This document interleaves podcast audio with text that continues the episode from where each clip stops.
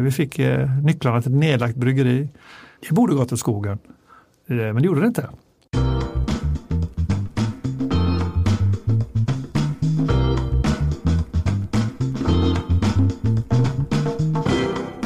Han borde ha drunknat i Sydkinesiska sjön för 30 år sedan, men köpte istället ett nedlagt bryggeri för 5 miljoner kronor. Idag är Kopparbergs bryggeri värt över 3 miljarder. Ändå säger grundaren Peter Bronsman att han fortfarande känner sig pank. Jag heter Joel Dahlberg och du lyssnar på podden Min första miljon. Först några ord från poddens sponsor.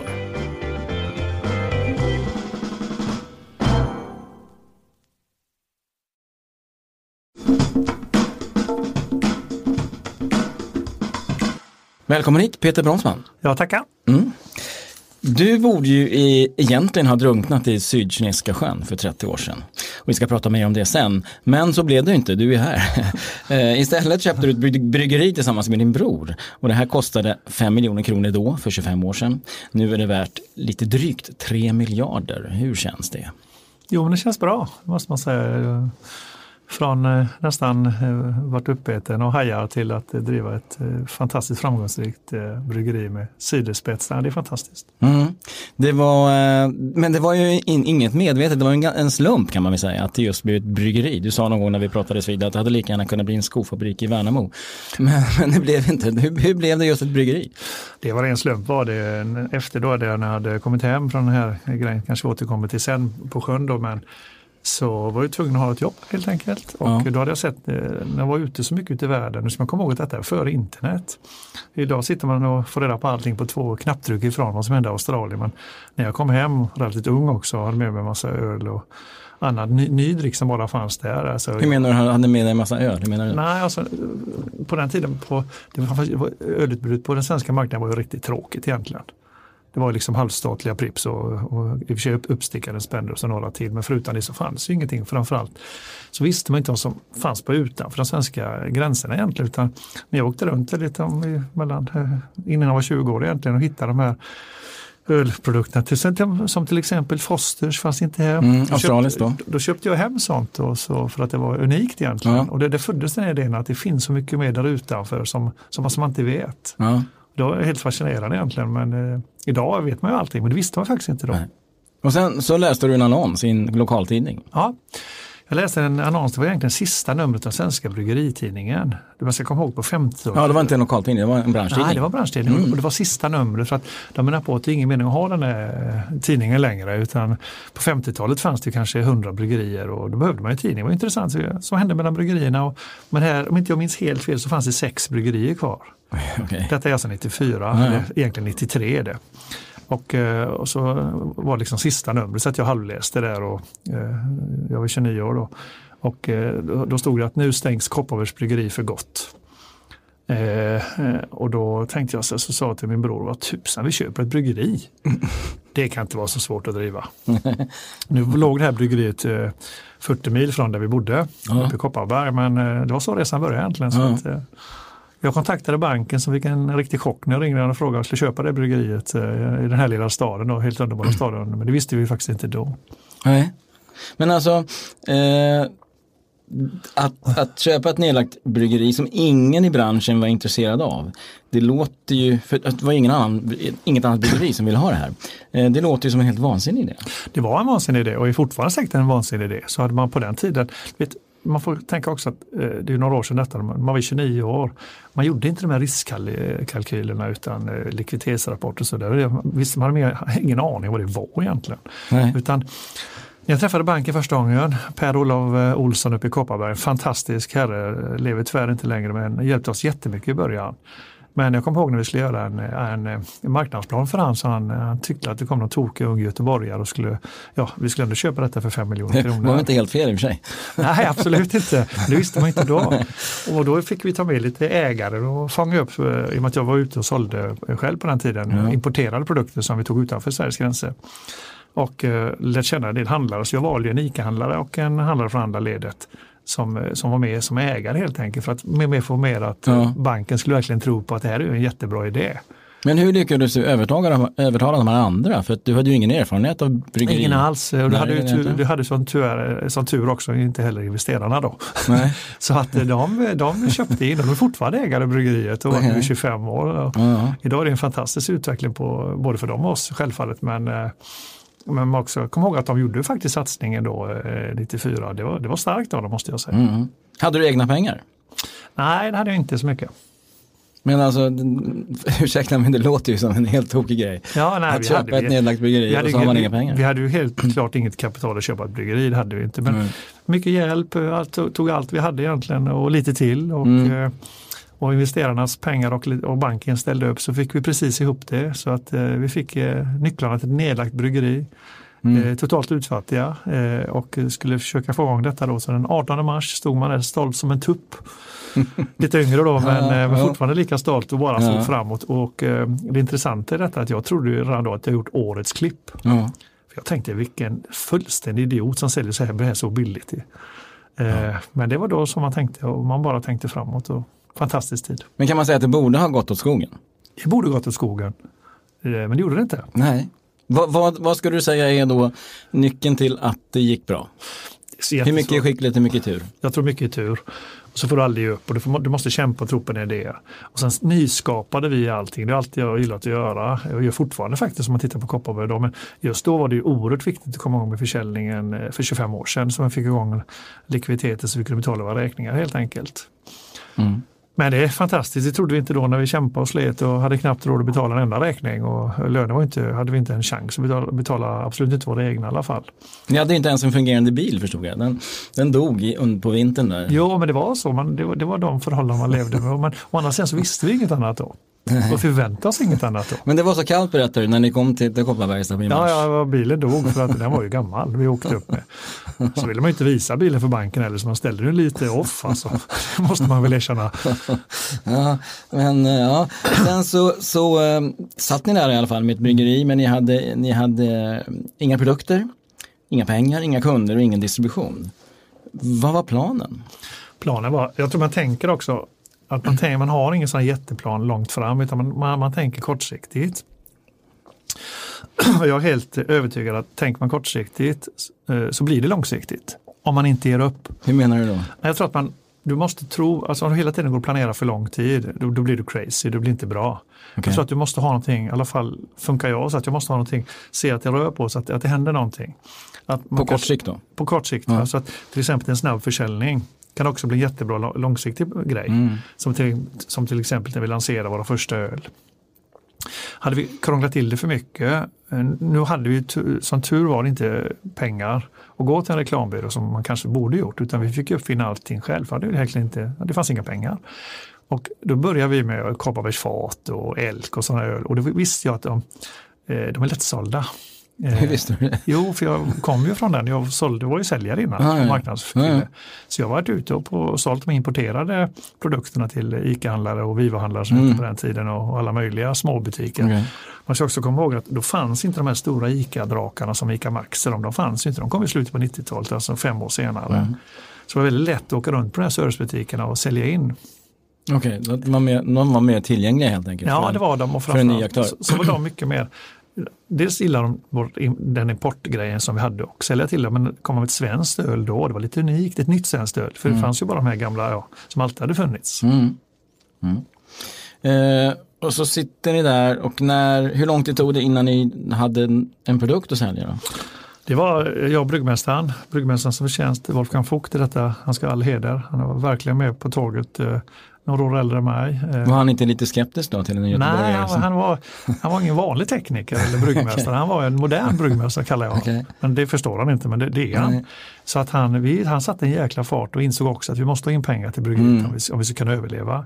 Men han måste ha trott på dig som person ju. Ja, att, det gjorde han. Det gjorde han verkligen. Och det hoppas jag fortfarande. Men, eh, och, nej, det gjorde han verkligen. Jobbar ni tillsammans fortfarande? Ja, det gör vi. Nu är han ju då, han är ju pensionär, pensionär Mm. idag, men vi, vi, har en, vi har en kontakt av det självfallet. Han har betytt jättemycket för det här bryggeriet. Men det måste ha varit en, en avgörande händelse att ni fick med honom på båten. Det var det definitivt. Vi kunde ju inget om bryggeri. Vi kunde ju sälja produkterna, vi kunde inte tillverka dem. Nej. Så att han var ju jätteviktig självfallet. Ja. Men det kanske ut, utvecklades en plan eller var det, var det väldigt improviserat? Det var improviserat. För att vi hade det som ett mål, vi anmält oss till Stockholm Beer Festival här i, i Stockholm. Jag är från Göteborg själv. Eh, och eh, den gick i november månad. Vi tog- 94. 94. Mm. Och då hade vi som mål att vara framme vid första fatölet och, och sälja helt enkelt. Mm. Och vi var klara på natten dagen innan så jag och bryggmästaren körde i bilen med faten och kom fram på morgonen. Eh, och kunde servera detta ölet. Då. Men då hade ni en ny bil? Ja, det, det var nog faktiskt samma. det var nog faktiskt samma. Jag kommer faktiskt inte ihåg men jag tror det var det. Ja, ja. Eh, Okej, och gick det ölet att dricka? Det gick jättebra att dricka. Mm. Hållbarheten var inte så jättelång men Nej. i och med att vi kom ju dagen innan så Okej. det höll ju en dag i alla fall. Men det hade innehållit för en butik? Nej, inte just då, vi hade bara på fat också då. Ja, jag förstår. Sen lärde vi oss, sen gick det rätt så fort. Ja, okej. Men när, när kände du att eh, den här drömmen som du hade då om att, att äga och driva ett bryggeri, att det faktiskt, att det lyfte? Det var nog i den vevan redan, så allting flöt på. Vi fick ju fram våra produkter. Vi gick också med första, det var väl första januari i EU. Då fick man börja sälja starkt öl på Systembolaget. Det var Mm. jätteviktigt för oss för att då kom vi med nya idéer. Och innan, man glömmer så fort, det är några år sedan detta då, men det är inte så många år sedan. Att vi fick ju bara sälja det starkaste ölet i volymprocent var 5,6 procent Mm. inom Mm. monopolet eller Systembolaget. Då. Och sen blev det fritt att ja, sälja hur starkt öl du ville. Så vi, vi var ju en av Och det hade de, med EU att göra va? Förlåt, Det hade med EU att hade göra? med att göra. Och så vi var ju jättesnabbt där med en Special Brew från Kopparberg. Och I och med att vi då kom vi liksom bland de första, så vi fick en jättefin vol- volym på det, på det ölet. Eh, Och det betyder jättemycket, för då fick vi lite cash eh, till så vi kunde betala våra räkningar. Mm. Så, så det, Men, var, det var ett eh, av de avgörande ja, första stegen vi tog egentligen. Men du pratade att det var mycket slump. Det här var ju en sån grej, att just att EU kom in och förändrade Mm. Ja, nej, det, hade inte, det hade inte jag ändrat. Utan det var jag, jag, jag kunde bara acceptera att vi var med i EU. Så det spelade er i händerna kan man säga, den Det var, det var jättebra var det. Ja. Men då måste man också veta att här finns en öppning. Ja, Och det det, förstod ni uppenbarligen. na, det, det, vi såg att det fanns, att, att det fanns någonting. Ja. Men man ska också komma ihåg på den tiden var det inte så lätt att komma in på Systembolaget. Och det är det inte idag heller för den delen. Men det var nästan på ett annorlunda, eh, att när man kom ny eh, och få in en ny produkt, det var jättesvårt. Men här var de tvungna att ta in lite produkter för att de hade inte produkterna. Mm. Och det passar mig rätt så bra, gå in i segment som inte finns för då kan man göra lite vad man vill. Okej, du menar alltså stark, Starkt. starkare öl? Ja, absolut. Ja. Eller vad den må vara. Vad samma Ja. med cider lite senare som Okej. vi kommer till. Ja. Men eh, just cider, det är ju det som ni är eh, kända för. Eh, kan man säga. Ja, mest kända för. Ja, för den Mest heter ju också Kopparbergs. Ja. Eh, hur gick det till? Det var så här var det att vi fick en förfrågan, men vi var så snabbt till eh, eh, det är en fantastisk sto- historia som, när man tänker tillbaka för vi fick ju mycket bra feedback från Systembolaget på våran starka öl. Mm. Och då tyckte de att, eh, de har sett en statistik, man ska komma ihåg innan 92 fick det inte heta starkcider, då hette det eh, förmodligen äppelvin och päronvin. Jaha, okej. Så att det såldes lite cider efter 92. Vi går in i 95, 96 här. Och eh, cider börjar öka, men det mest den brittiska sidan. Mm. Och då fick vi en förfrågan om inte vi skulle eh, kunde ta, tänka oss att leverera den på returglas. Okej, Eh, den brittiska sidan. då. okej. Importera och sälja. Ja, och det var inga problem sa jag direkt, det fixar vi. Mm. Så, så till bryggmästaren, det måste vi kunna fixa det där. Ja visst, han, det fixar vi. Så vi fick hem lite prover från England, men vi tyckte inte det gick att dricka den sidan. Alltså den smakar vedervärdigt. Men engelsmännen dricker den. Jo, men de är mer vana vid den typen av cider. Vad är det som, är den för sur då eller vad, vad är, Ja, den är bitter. är bitter? Det är inget fel på produkten alls, Nej. men den passar inte svenskarna, ty- tyckte vi då i Mm. alla fall. Så jag sa till bryggmästaren, det här går inte. Mm. Det är så att vi har en historik i Kopparberg som, med en alkoholfri cider som hela svenska marknaden har, har funnits de, sista ja, 30, 40, 50 åren. Mm. Vi gör en vision på den, gör vi. Så gjorde vi det. Så presenterade vi på Systembolaget och de köpte in den. Så 1900, kan det ha varit slut på 95, början på 96 där någon gång så tog de in Kopparbergs äppelcider i sortimentet. Okej. Och det glömmer jag aldrig för att då rusade försäljningen, alltså, jag, jag tror den eh, 20-dubblades. Den totala sidan av alla varumärken. Och så kommer en uppstickare från ett galet bryggeri från Kopparberg, levererar en äppelcider som de tycker är jättegoda. Och också konsumenterna tyckte var god. Mm. De bara älskar den. Så den, den slog direkt? Ja, den slog direkt. Okej. Så att, det gick ungefär 800 000 liter totalt på Systembolaget. På 95 eller? 95-96. Okej. Och bara något år senare så var det uppe i 4 miljoner liter. Och det mesta kom från oss. Jag förstår inte hur han är med, för det här krävde ju investeringar i bolaget. Ja, det gjorde vi och vi, vi hann knappt med måste jag säga för att vi låg jämnt efter. Så den största, vi behövde ju liksom inga säljkonferenser. Det, vi behövde bryggerikonferenser Ja, för att få fram allting vi hade sålt. Men du måste ha jobbat dygnet runt. Ja, det gjorde vi och de, på den tiden. Och jag tror att de, de 12 första vi anställde på Kopparberg, det är väldigt många som är kvar även idag. De ska ju jätteeloge till detta, så som de ställde upp på den tiden, det finns inte. Alltså det är världens bästa personal helt enkelt. Vad betyder det att de ställde upp? Nej, att vi, annars hade vi inte fått fram allting vi var, som vi var tvungna att få fram. Alltså de jobbade, Ja. de jobbade, de jobbade över helt Ja, de jobbar 25 timmar i, i dygnet i stort sett. Helt fantastiskt var det. Men hur, hur alla har, de har väl familjer, hur, Jo, hur fungerade det? Det var något nytt detta, det var annorlunda då. Det kom ett nytt eh, bryggeri. eh, Ja. Det betydde mycket för bygden tror jag. Vi hade tur att få in eh, rätt anställda som älskade, älskade att jobba. Ja. Älskar att se något nytt. Mm. sen Hur många har ni anställda idag? Totalt i koncernen tror jag det är 600 idag. Och i Kopparberg? Ungefär 200. Okej, så det är en viktig arbetsgivare. Ja, absolut. Så siden slog uppenbarligen. Sen kom Perransider och det, det gick det fort och så vi blev nästan kända då så att till 98-99 så var vi, då var det, alltså varenda dag låg vi efter i produktionen. Men vi redde upp det på något konstigt sätt, men vi låg Mm. efter. Ni hade kunnat sälja mycket mer kan man säga. Mycket, mycket mer. Okej. Hur kändes det då? Som, som du är säljare i grunden. Nej, men det var ju frustrerande, måste, det, det var det ju.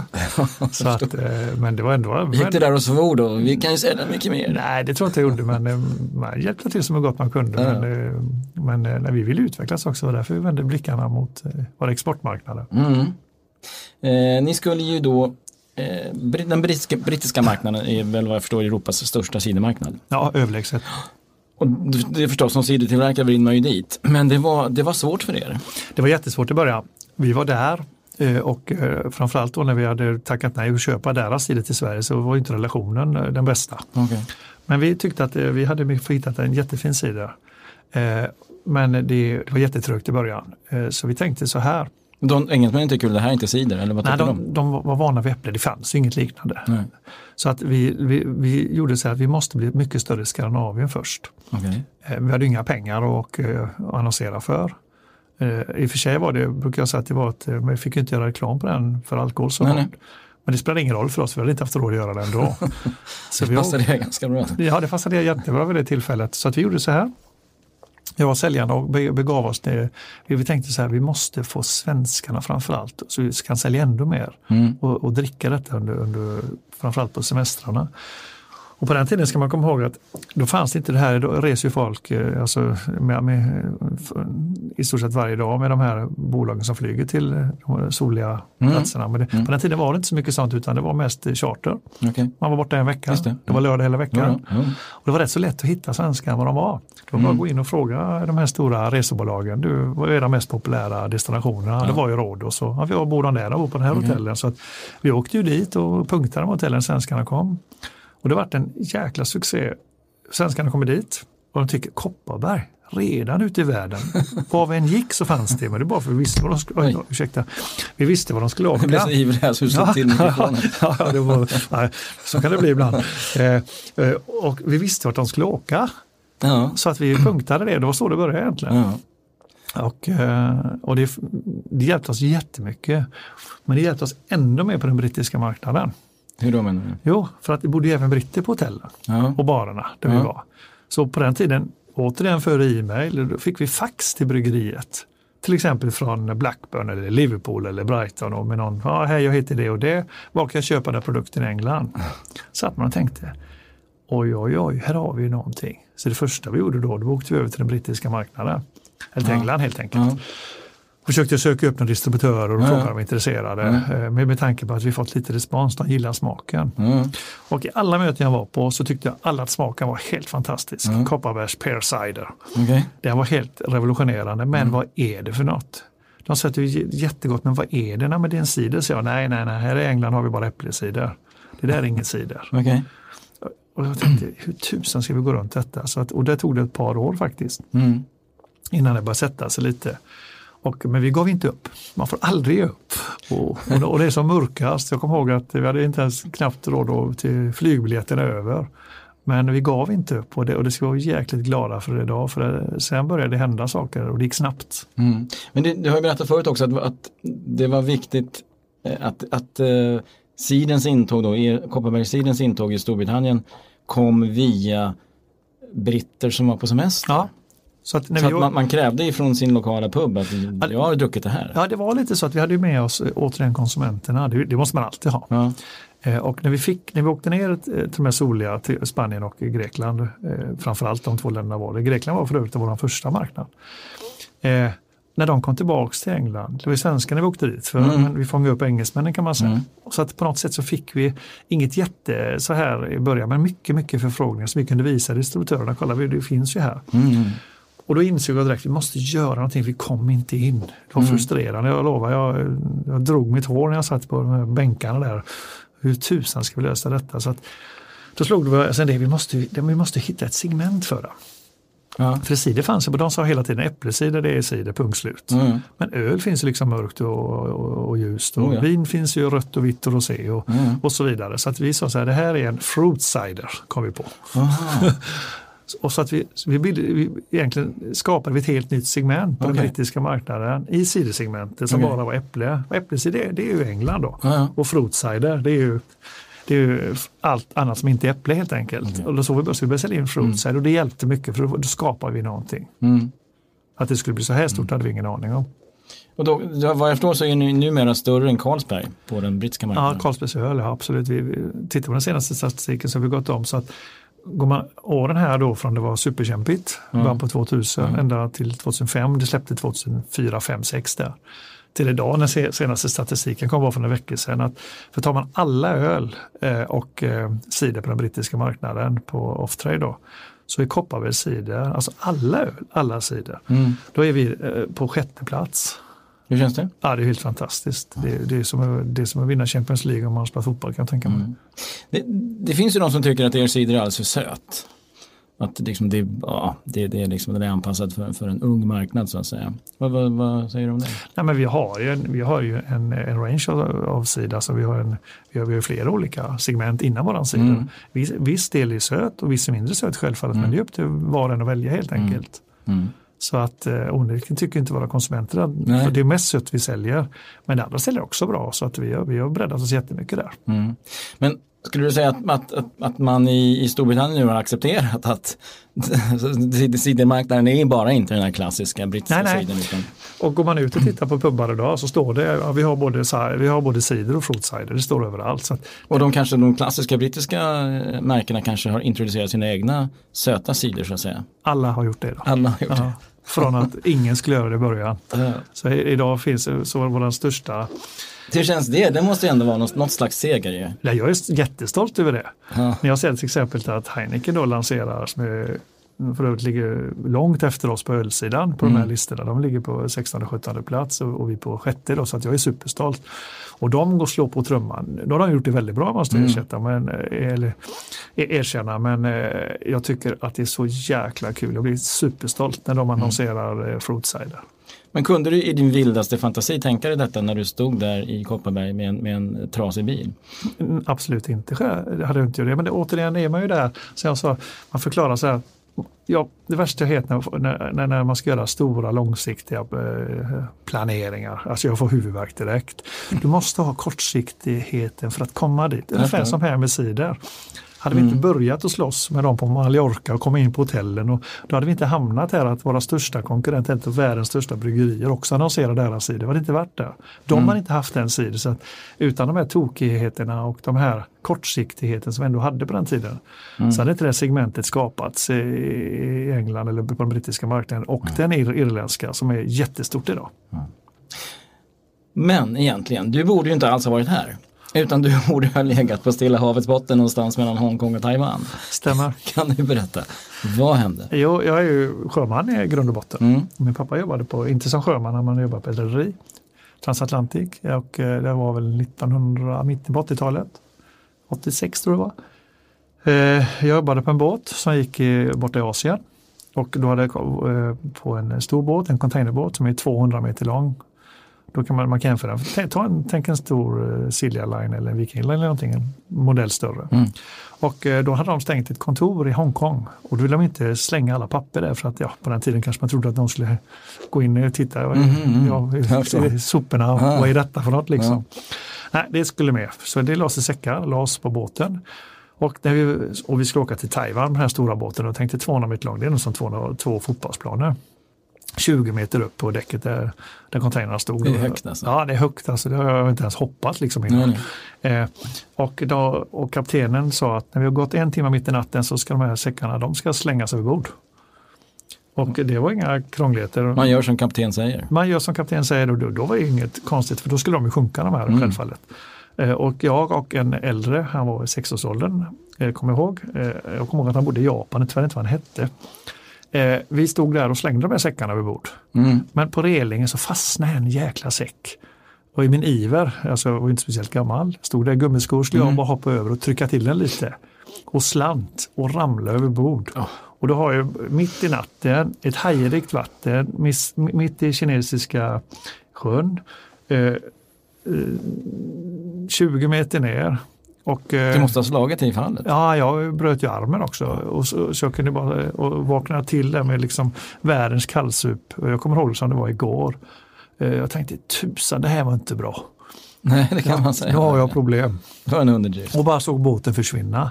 Det fanns ingenting. Och då hade vi ena Och det var mörkt eller? Ja, det var ju mitt på natten. Du, du, du såg ingenting. Och jag glömmer inte, för jag var helt säker på att, att det, kom, det fanns ju hajar i vattnet. Mm. Det finns hajar. Och, och de ville man ju inte mötas. Nej, nej. Nej, och fast att det är jättemörkt så kommer någonting som är ändå mörkare mot mig. Jag tänkte nu jäklar och hade bara en arm att simma med och vå, höga vågor. Och den kastades över mig och det var en av de här säckarna som vi hade stått och slängt i. Eh, och det var ju två saker. Men du måste ha varit rädd, eller hur, hur, nej, hur men- mådde du? Ja, jag, kom, jag var säkert jätterädd eller panikslagen, det bör jag ha varit i alla fall. Mm. Men jag kom, så att egentligen var jag glad att det var ingen haj. Ja. Och det var en säck jag kunde eh, ligga och flyta på för jag hade bara en arm. Ah, okej. Så, att, eh, för, Så du, du kunde ligga på den här säcken? Ja, och eh, då låg jag på den och så i och med att vi var ju två som slängde i säckarna, han slog i larm då, men båten är så stor så det måste ju liksom göra en eh, Wilhelmsson-törn som man säger, så att det är en åtta för att få tillbaka den till ungefär samma, Okej. ungefär samma var man ligger. Men han slängde in lysboj. Men jag kommer ihåg att när båten kom fram till den lysbojen så låg inte jag där för det, hunnit, det, det, går så fort, det, båten gör ändå 20 Mm. knop. Eh, Så att eh, där låg jag helt ensam. Men så, och så tyckte jag att jag såg något ljus, eh, vad jag kommer ihåg, så jag skrek. Och då var det en som hörde mig på den här båten. Så satte de med en liten båt, eh, en liten livbåt och åkte ut och så hittade de mig. Och då sjönk precis säcken, kommer jag ihåg. För då var ju den vattenfylld. Så var det, så att eh, det fick man göra omtag sen. Fick man hem och reparera armen. Eh, Jag kommer ihåg att jag fick flyga hem då från Taiwan. Men det måste vara en skakande upplevelse. Ja, det är det och det är fortfarande lite grann. Men, inte så att man, man tänker negativt utan jag är nog mest glad att det gick bra. Ja. Och det här var slutet på 80-talet va? Mm. Ja. ja, vilken historia. Eh, från den, denna mycket dramatiska historia ju här idag till, till eh, det vi kallar för tre snabba. Ja. Tre snabba frågor där du får välja mellan någonting. Ja. Eller två alternativ. Och då börjar jag med öl eller cider. Cider, Mhm. Eh, snaps eller whisky? den var svår. Om jag får lägga lite frukt i snapsen så tar jag det. Okej, bra. Eh, pengar eller ledighet? Eh, är också svår för att de går in i varandra lite grann. Mm. Men eh, får jag välja så här som det blir nog ledighet. Mm. Ja, du har jobbat hårt i dagar, kanske därför. Nej, jag tror inte jag har jobbat så mycket hårdare än många andra. Men eh, Nej. Eh, nu när vi då osökt är inne på pengar så du har ju blivit rik på kuppen. Ja, Måste det man säga. jag absolut. Ja, eh, jag kollade lite grann, börsvärdet på, på Kopparbergs är nu lite drygt 3 miljarder. Stämmer. Du äger eh, tillsammans med din bror ungefär lite drygt 20 procent. Ja, 25. Ja. Så att det är några hundra miljoner. Ja. Ungefär, vad blir det, 300-400? Det blir nog lite mer, men det brukar Ja. man räkna med. Mm. Hur, hur investerar du dina pengar? Nu ligger det, det mesta ligger ju faktiskt i, än, än så länge i Kopparbergs bryggeri och förhoppningsvis kommer det ligga där många år till. Okej. Så att det, det, det ligger det mesta. Ja, det är det mesta förstås. Ja. Men i övrigt, om du ska sprida riskerna som man Ja, men jag, ju ska jag, jag, göra. har, jag har nog 99 procent risken är i Kopparberg fortfarande Mm. som det alltid har varit. Okej. Det, jag är nöjd med det, jag tycker det är bra. Ja. Men många placerar i fastigheter och sånt där, det, det, vill du inte hålla på med? Jo, men jag har lite fastigheter så, men, eh, men ja. inte till nämndes vad det andra är värt självfallet. Mm. Så att det är mer att man Ja, det är mer att, att jag också kommit på sådär lite, eh, ja men det är en bra grej, ja okej okay då. Men det är inte så att jag är ute och letar, absolut inte. Utan jag tror att det är så här att det mesta ligger där och det kommer det att göra. Hur tjänar du din första miljon? Har du någon känsla för det? Jag har inte det, utan är du inne i detta så mycket så tänker du inte så, utan det har bara rullat på helt enkelt. Jag hade definitivt inte det när jag eh, köpte bryggeriet. Nej. Då hade jag minus kanske en miljon. Ja. Så att, så att, eh, men, jag, men jag har aldrig tänkt så faktiskt. Nej. Eh, jag hoppas inte jag kommer tänka så heller. Nej.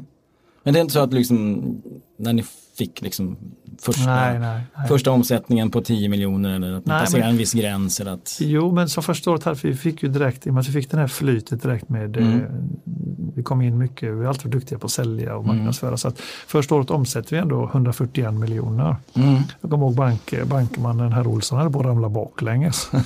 så att då bara jag insåg att det här är bra. Så andra året eh, gick vi upp direkt till, eh, kan det varit eh, Förlåt, vi hade 46 miljoner första året faktiskt. Okay. Och andra året 141. Det har du koll på. Och tredje, ja, men jag har sagt så många gånger. Så att, och tredje, år, tredje året 320 miljoner. Det var ju oerhört mycket pengar uppe i Kopparberg. Men du, du, är, du är ju tävlingsinriktad. Du pratar ju om hur, hur ni liksom har passerat Carlsberg på din bitstream. Ja, ja, så du är väldigt tävlingsinriktad. Ja. Men inte just där, du, du mäter inte då framgång i pengar? Ja, men det blir inte så, inte privatpengar så jag tänker inte så. Jag vet mm. att vi har ett stort värde på aktier. Mm. Eh, jag har aktier i andra företag också, så att, men jag följer inte, sitter inte följer dem varenda dag. Det har, mm. jag har verkligen jag har inget intresse av det och framförallt tycker jag inte det är roligt. Eh, nej, men jag vill gärna, vi, vi är aldrig bättre än den sista sidan vi sålde, det är det klassiska och det är vi inte heller. Utan vi ska klättra, vi, vi, vi ska utvecklas, vi ska göra detta eh, ändå bättre. Vi är jäkligt bra idag, mm. men vi får inte tro att vi är jäkligt bra. Vi, vi ska tro att det, att det är jobbigt lite grann. Mm. Man ska också komma ihåg att det är bra att vara fattig. Det är jäkligt bra att vara fattig. Har du varit pank? Ja, många gånger. Hela 90-talet egentligen var pank. Det är kanske är en bra erfarenhet jag för en entreprenör. Jag tror att man ser pengens värde på ett annat sätt. Man vet hur svårt det är att tjäna dem. Mm. Så att man vill gärna hålla i dem på något sätt. Och jag tror att det skapar också en liten företagskultur. För att när jag sa att jag är pank, bryggeriet var verkligen pankt. Mm. Men vi har aldrig haft svart, eller röda siffror sedan 1994. Vi har tjänat pengar varenda år. Visst, i början var det inga jättepengar men det var ändå att vi, ja, vi, jag lovade ju banken att vi skulle aldrig göra förlust och då har jag försökt hålla det och det är mm. jäkligt viktigt. Det, alltså. mm. det var jättetufft ibland i början på 90-talet men vi gjorde det. Är, är det svårt att vara rik när man en gång har varit pank? Eller är det, är det... vet jag inte. Nej. Det tror jag inte. Nej. Det beror på mig som människa tror jag. Så mm. att, eh, Nej, men jag, jag, jag, känner mig inte rik, jag känner mig pank. Hur menar du då? Jo, allting jag gör handlar om att vi ska utveckla oss och det, vi vill ju tjäna pengar med, vi vill ju skapa någonting, vi vill skapa mervärde till våra aktieägare. Mm. Vi delar ut mycket pengar. Mm.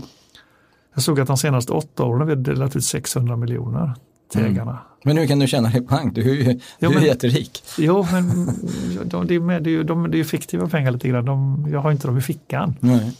Så att eh, jag får kanske inte känna mig pank idag, det kanske är fel Nej. uttryck, men jag känner mig absolut inte rik, det gör jag inte. Så du, du, går inte runt och, du, du går inte runt och sätter sprätt på massa pengar? Nej, det, det, det gör jag verkligen inte. Eh, vi ber ju också våra gäster att, att ge tre stycken tips till mm. eh, hugade entreprenörer, alltså folk som har en idé som de tror på men de vet inte var de ska börja. Nu är det lätt att kanske bakdatera för allting. Jag, tittar man hur svårt vi hade det i början och så nu är det en saga, då går man tillbaka och då känns ju allt så lätt. Mm. Och det är lite svårt att ge sådana tips, men jag brukar säga så här och det, det är jag helt säker man ska inte ge upp. Och då menar jag inte ge upp. Och du, och du, ska i stort sett skita i vad alla andra säger. Men man ska vara så envis att folk tror att man är knäpp ungefär? Ja, lite grann. Du måste vara lite så tror jag och tro på dina idéer. Och så måste du också hålla vad du lovar. På något sätt så det är ändå pengar som man lindar in allting i slutändan. Och jag tror att du får oftast kanske inte lån från banken eller också får lån från banken. Eller från eh, några nära, nära eller kära eller vem det nu må vara. Men om man inte kan betala tillbaka som man, som, som man sa från början. Leverantörer då? Ja, kanske. också kan man ha. Då måste du verkligen eh, åka runt och, och, och, prata med dem och förklara varför. Mm. Det är förtroende. För att inte ge upp någon gång. Men heller inte bränna ett förtroende. Framförallt har du lovat något så måste du hålla det. Okay. Det är jättelätt att kanske skita någon räkning och hålla på så, men det får man inte. Du kan, mm. Då måste den mottagaren veta om det. Och då skapar du förtroende. Mm. Och det viktigaste av allting tror jag, man ska inte gå till banken om du inte vet att du ska få loss pengarna. Hur menar du? Nej, du det går inte att veta. Nej, jo, du måste ha den känslan på något jäkla konstigt sätt. Du måste vara säker på Vi har ju aldrig fått nej på ett lån. Mm. Men vi har inte heller kommit då när, då får man ju vara lite så här att... Inte ens när ni stod där med en trasig bil mitt i vintern. Nej, men han såg ju inte bilen. det är lite så. Och banken ska känna sig trygg och vi har haft så bra bankkontakter och har även idag. Som den första då, P. Olsson, som var fantastisk. Jag saknar han eh, mm. än idag. Men även alla andra banker, även de som vi har idag. Eva på banken till exempel, och innan var det Peter på banken och innan mm. var det Birgitta på banken. Alltså, de måste känna ett förtroende för oss och, har, och vi har alltid levererat det vi har sagt. Mm. Och vi, du ska nog inte heller gå och försöka få lån om det, om det är ingen mening för det blir bara jobbigt för motparten. Mm. Så att eh, det är svårt att, råda sådär men det, det, jag, jag, tror att man inte ska ge upp och hålla vad du lovar. Mm. Peter Bronsman, stort tack för att du kom hit. Mm, tack så mycket. Det var veckans avsnitt av Svenska Dagbladets podd Min första miljon med Peter Bronsman och mig, Joel Dahlberg. Missa inte förra veckans intervju med Johannes Kullberg, grundare av matvarukedjan Paradiset, som bland annat berättar om hur han flera gånger varit timmar från konkurs.